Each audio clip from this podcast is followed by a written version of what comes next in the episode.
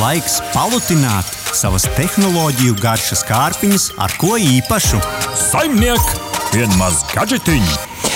Šodien apskatīsim Apple Watch 7. Nesen iznācis vietpūkstenis, kas, nu, protams, visus Apple fanātiķus kārtīgi sajūsmoja, un tad gaisā virmo jautājumi daudz un dažādi.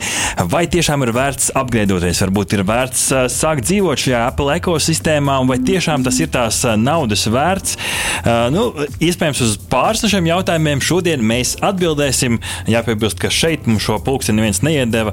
Tā teikt, paši sagādājām, paši testējām, un tagad paši vai nu būsim priecīgi, vai arī būsim galīgi vīlušies. Un šodien klausītāji izmēģināsim nedaudz citādāku pieejamību šiem mūsu gadgetu apskatiem, jo mēs ar Rihardu domājam, jāmēģina vairāk to pietuvināt tai realitātei un tai praktiskai ikdienai, mazāk ciparu, vairāk praktiska apskatu. Un šeit es Rihardu šīs kategorijas esmu samazinājis uz četrām, praktiski jau uz trijām - kvalitāte, pielietojums, salīdzinājumā un beig beigās, vai man to vajag. Pats būtiskākais jautājums, Rihard. Ķersimies klāt pie paša, paša pirmā. Tad, tad Rihard, nu, Apple Watch 7 korpus, es teiktu, ka kopumā diezgan līdzīgs Apple Watch 6 korpus, apstrādāts, kvalitīvs, teiktu, nu, protams, prēmijuma klases, kā par tādu cēnu var nebūt prēmijuma klases vai ne. Apaļās maliņas, kas bija tāds liels mārketinga triks. Wow, paskatieties, apaļās maliņas, kur spīd visu un laistās. Es pagaidām neesmu redzējis lielu pielietojumu, tāpēc iespējams tas vairāk ir mārketinga triks. Bet pats ekrāns, es teiktu, pats par sevi ir, ir spilgts, krāsains, četras stūra forma, kas ir interesanti. Var daudz vairāk satura arī redzēt. Un kopumā es, es teiktu, nu, esot palietojis daudz, daudz dažādus šos vietpulksteņus, gan Samsung, gan Huawei, gan Garmin. Es teiktu, ka viņi pa lielam iedalās tajās divās kategorijās pēc ekrāna. Ir šie te, uh, nu, Garmin veidīgie, gribētu teikt, jo Garmins pats ir tādā savā klasē ar šo kontrastu ekrānu, kas, protams, arī atsaucās uz bateriju. Un tad ir visi šie spilgtie viedu pulksteņi. Tas jau ir jautājums, kas cilvēkam vairāk patīk. Šis konkrētais pulkstenis arī runā ar tevi. Tu vari runāt ar to. Viņam ir arī skaļrunīts, cik nu var būt kvalitīvi šajā te vietpulkstenī tāds ievietots. Taču teikt, lai runātu pa telefonu, ļoti labi var ļoti labi dzirdēt arī, ko dažādas lietotnes saka. Tur noteikti plusiņš. Šī defaultā siksniņa arī teiktu gan ērta. Dažkārt novērots, ka šīs silikona siksniņas rada tādas apsārtumus uz rokām. Nu, man pēc nedēļas gara testa joprojām viss ir kārtībā. Es teiktu, ka tur pagaidām viss ir labi. Un par bateriju. Nu, tur gan ir jāpieskarās. Ja kaut kas sāp, Rihards, šajā vietpunktsnī, tad tā ir baterija. Ja mēs paskatāmies uz visiem konkurentiem, tad Apple Watch nu, ir viens no pēdējiem, kas vispār šeit ierindojās. Jo burtiski jālādē ir katru dienu. Man jau pat izveidojās tāds rīta ritms, ieeja dušā, ap to laiku uzliek Apple Watch lādēties. No aptuveni 45 minūtes ir vajadzīgs tāds garā dušiņa, ir vajadzīga no rīta, un tad uh, var arī nepamanīt. Visādi citādi, uh, nu, šis ir lielākais mīnus. Un, nu, ļoti tautas valodā sakot, besī arī tas, ka nāk līdzi viens puses lādētājs. Un tur šis pieliekamais bez, bez, bez, bez štekera lādētājs, kur vienkārši izlaiž virsū un viņš lādējās. Taču otrs gals ir USB Type-C. Nu, protams, ka mums visiem mājās ir parastie USB štekeri, vai ne, Rihard? Nu, nu, nu, dažādiem nu, telefoniem. Jā, vai ne? Un tas sanāk, ja tev šāds nav, tad tev ir jāpiepērk vēl klāt nu, kārtējais Apple marketinga triks. Parunāsim par pielietojumu.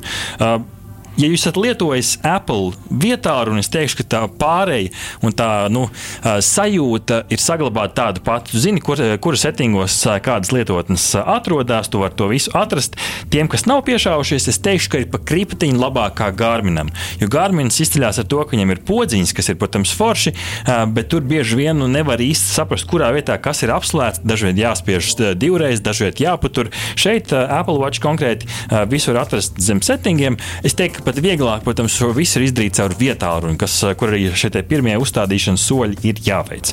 Jau minēju, var zvanīt un runāt pulkstenī, kā James Bonds, reāli stilīgi sajūta. Vienā brīdī gan roka piekūst, tāpēc tas tikai īsiem zvaniem. Var arī pacelt un kontrolēt vietālu ar roku kustībām. Divas kustības - sažņauts dūrīti, un otra kustība saliec rādītāju pirkstu ar īkšķi kopā. Un pulksten šo te, šīs abas šīs kustības, rokas mīmikas atšķir. Vienreiz ir viens, divreiz ir vēl viens, un tas pats ar, ar, ar rādītāju pirkstu un īkšķi. Un šeit cilvēki, iespējams, kuriem varbūt ir uh, mazāk iespēja kustēties, viņiem šī funkcija patiesībā var būt kaut kas tāds, kas pilnībā ļauj izmantot pulksteni, ko viņi parasti nevarētu izmantot. Man šita, šis ļoti interesanti un arī būtiski. Vēl viens foršs plus, Rihard, Siri. Siri kontrolēšana. Ja tev ir iPhone, tad praktiski, ja telefons tev stāv kādā citā istabā, bet savienojums ar pulksteni ir, tu vari runāties ar savu vietpulksteni. It kā jau smieklīgi, no otras puses, tāpat ir timeru uzstādīšana, atgādinājumi, kalendāri, ieraksti, mūzikas pārslēgšana. Šo visu var veikt ar balsi, un tas jau vienā brīdī kļūst forši. Sportošana. Ļoti daudz dažādas aktivitātes, 80 plus aktivitātes. Un te ir viens mīnusiņš, lai gan kopumā viss strādā ļoti labi. GPS signāls foršs. Ja jūs ikdienā izmantojat strava lietotni, kas ir populāra lietotne, kur cilvēki dalās ar saviem skriešanas datiem, tur cilvēki liek laikus un tāda mazā komūna veidojās, tad stravas lietotnē, diemžēl, ir manuāli jāimportē, nu, nostīt, nostīt jāimportē. Tev katru reizi ir jāatcerās iet un uzspiest import, import, import. Tad šie dati no Apple Health lietotnes aiziet. Piemēram, Garminam, tam pašam Samsungam un šeit arī Huawei tas viss notiek automātiski. Vismaz var mēģināt to automātiski uzstādīt. Šeit manuāli varbūt sīkums, bet nu, tomēr. Jaunums, kas ir šim pulkstenim, kas ir nu, viens pats kā patīkami, ir ziņu rakstīšana. Tev atnāk īziņa, tu atver vaļā reply, uzspied atbildēt, un tad tev uz šī salīdzinoši lielā ekrāna parādās klaviatūra. Nu, cilvēkiem ar lieliem pirkstiem nebūs. Cilvēkiem ar maziem pirkstiem var būt, jo tā klaviatūra patiešām ir maziņa. Bet nu, īsa ziņas, kā ok, būšu, kavēju vai arī nebūšu. Šo visu desmit var min. Desmit min. Šo visu patiešām tur var izdarīt. Un, kas ir interesanti, var arī rakstīt, zīmēt burtus ar pirkstu. Skan forši, praktiskajā lietošanā nav nav parocīgi. Jā, var uzrakstīt ērtāk to, bet iedomājieties, ja katru reizi tev ir jāvelk tas. Nu, kamēr tu uzvilci vienu P burtu, jau trīs P uzspiedas klaviatūras. Līdz ar to No vienas puses forši, no otras puses mīnus. Uh, Watchfaces, jeb šīs uh, ciparnītes forši uh, izmēģināja, uzstājos pasākumā, nobildēja savu šlipsi, uzlika šo šlipsu fragment uz kā savu pulksteņu watchface. Līdz ar to nu, kaut kādi dizaina elementi arī tur pieejams. Iespējams, ka dāmām šis ir daudz biežāk būs izmantojams, lai saskaņotos un būtu tā ideālā krāsu kombinācija. Ekosistēmas priekšrocības, kā jau minēju, var runāt caur vietu pulksteni, bet še, manā, manā gadījumā šeit nav simtkārt apkārt iekšā. Līdz ar to vienmēr jābūt kopā ar, ar šo te, uh, telefonu. Un kas ir forši, viena no ekosistēmas priekšrocībām, tu ieliec telefonā fokusa režīmu, kas ļauj tev koncentrēties, tad nenāk nekāda brīdinājuma. Pat dažkārt arī telefona zvana neiet cauri, un pulkstenis to respektē. Automātiski šis savienojums ir, kas patiešām ir foršs. Protams, šeit ir atrodams tādas lietas kā mindfulness lietotne, kas palīdz meditācijā un elpošanas vingrinājumiem, kas mūsdienās ir ļoti populāri. Bet tas viens lielais mīnus, dārgie Android lietotāji, piedošana, bet šis pulkstenis lielā mērā ar jums nedraudzējās. Šeit patiešām vajag Apple ekosistēmas kādu um, ierīci, tam nav no obligāti jābūt iPhone, bet visbiežāk jau tas būs. Var arī ar iPad savienot un, un tam līdzīgi. Bet, diemžēl, ar Android nu, tur viņš varbūt Bluetooth savienojumu izveido, bet nu, nevar, nevar galīgi neko vairāk izdarīt. Par sensoriem parunāsim. Skābekļa līmenis asinīs. Visi vienmēr tos reklāmās slavēs. Teikšu, ka praktiski es viņu uztaisīju vienreiz testa pēc. Es neredzu nekādu lielo jēgu no tā, tāpēc esiet uzmanīgi, kad tiek slavētas šādas lietas. Tā ir skaitā, bet šo jau mēs arī redzējām arī prezentācijā ekokardiogramma šeit reāli stilīgi. Tur pūksteni to var izdarīt. Nē, Latvijā šis servis vienkārši nav pieejams, kaut arī pulkstenis to tehniski varētu izdarīt. Nu, iespējams, kādi juridiski ierobežojumi ar šo veselības datu ievākšanu, starp citu, bet nu, katrā gadījumā šo te nevar izdarīt. Mazā lieta, kas kaitināja, regulāri pieslēdzas Wi-Fi. Es gribu izslēgt to Wi-Fi, lai viņš beidz tērēt man bateriju, bet katru reizi, kad pulkstenis nevar savienoties ar Bluetooth savienojumu, ieslēdzās Wi-Fi. Salīdzināsim, salīdzināsim, jo konkurenti ir jāzina. Pirmais jautājums, ko es saņēmu sociālajos tīklos, kad prasīju, kas cilvēkiem interesē, ir, man ir sasniegts 6. versija, vai ir vērts apdeitoties? Nē, liels trakans neju pa lielam. Tā lielākā atšķirība šeit ir ekrāns. It kā tās maliņas ir noņemtas nost, visādi citādi dzīvojiet laimīgi ar savu 6. versiju un netērējiet naudu. Salīdzinājums ar Garmin. Garmin, kas ir diezgan populārs arī Latvijā, izmanto daudzi sportisti. Es teiktu, ka lielākā atšķirība ir ekrāna izpildījums. Tad šeit ir liels spilgts ekrāns, Garminam kontrasta ekrāns. Bet te ir viens liels bonus, ko Garmin vienkārši nokautē Apple Watch. Šī ir baterija. Katru reizi jā, jālādē, katru dienu jālādē Apple Watch ar Garmin. To var izvilkt. Man šeit pat nedēļā aktīvi nesporto, varbūt pat divas.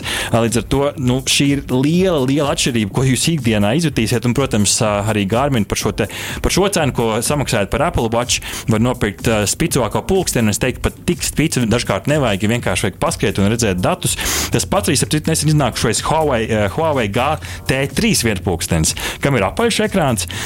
Šeit arī abi ir krāsaini. Arī GT3 ir krāsains, bet uh, kaut kādā veidā viņi optimizējot šo sistēmas darbību, ir padarījuši, ka Huawei pulkstenis arī var izturēt vairākas dienas. Te, protams, jautājums, kā jūs lietojat, bet arī šeit Apple Watch zaudē.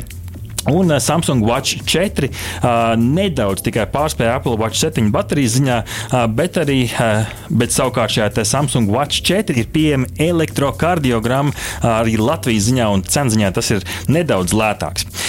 Vai man to vajag? Rezumē. Android telefonu lietotājiem īkšķis lejā, liels trekns īkšķis lejā, jo nevar lietot ar normālu ar Android uh, telefoniem.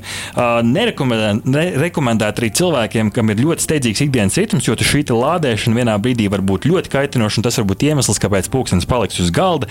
Vai ir vērts, ja ir sastāvversija? Nē, īkšķis lejā. Ja vienkārši gribi pulksteni, kas palīdz ar sportošanu, īkšķis lejā ir noteikti atrodami daudz labāki varianti. Nu, savukārt, ja gribi ar tādu telefona pagarinājumu, un tu esi Apple fans un Apple ekosistēmas lietotājs, es teiktu, īkšķis augšā, ja tev nav šobrīd pulkstenis, tad iespējams šis ir tas brīdis, kad tu vari iegādāties Apple pulksteni. Tāpēc šādi ļoti stingrs, ļoti stingrs izdalījums Apple lietotājiem īkšķis augšā, visiem pārējiem teiktu vairāk īkšķis lejā. Jā, nu droši vien jāpievienojas ar vērtējumam un jāpasaka paldies Artim par ļoti detalizētu apskatu. Aha! Paldies, ka noklausījāties mūsu līdz galam! Ja patika, uzspiediet laiku, atstājiet komentāru vai padalieties ar draugiem. Un nobaudiet arī citas epizodes, kā arī sekot mums, lai nepalaistu garām savu ikdienas tehnoloģiju ziņu devumu.